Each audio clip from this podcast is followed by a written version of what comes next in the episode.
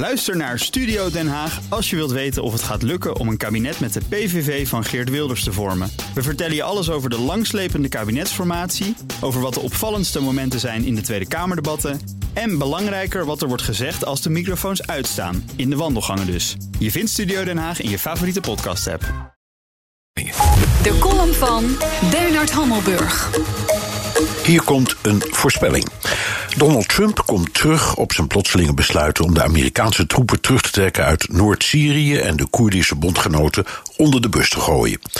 Zo gaat hij het natuurlijk niet zeggen, maar van de duizend Amerikanen die er nu zitten, gaat maar een handjevol echt weg.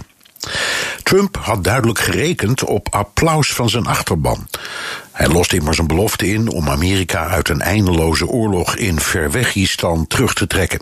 Maar dat kopstukken uit zijn eigen partij hem zouden beschuldigen van matennaaien, daar had hij even niet op gerekend. En matennaaien is het. Hij gaf Turkije carte blanche voor een invasie en een onvermijdelijk bloedbad onder de Koerden en liet de bondgenoten zakken aan wie hij juist had beloofd om die duizend man voorlopig in Syrië te laten zitten.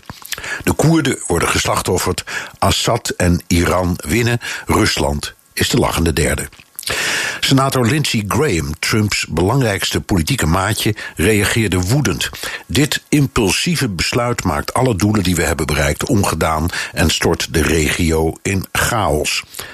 Trump zoekt steun bij zijn achterban vanwege het impeachmentonderzoek dat zich snel uitbreidt met een fonkelnieuwe tweede klokkenluider, een parlementaire klopjacht op ministers en medewerkers en een toenemende loopgravenoorlogssfeer in Washington. En dus kwam hij met een briljante oplossing: even een oorlogje beëindigen en ik ben spekkoper.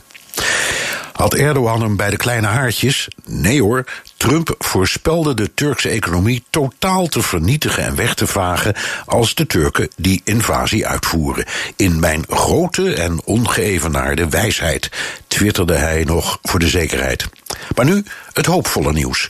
Woordvoerders van Defensie en Buitenlandse Zaken zeggen dat de terugtrekking hooguit enkele tientallen soldaten in het grensgebied omvat.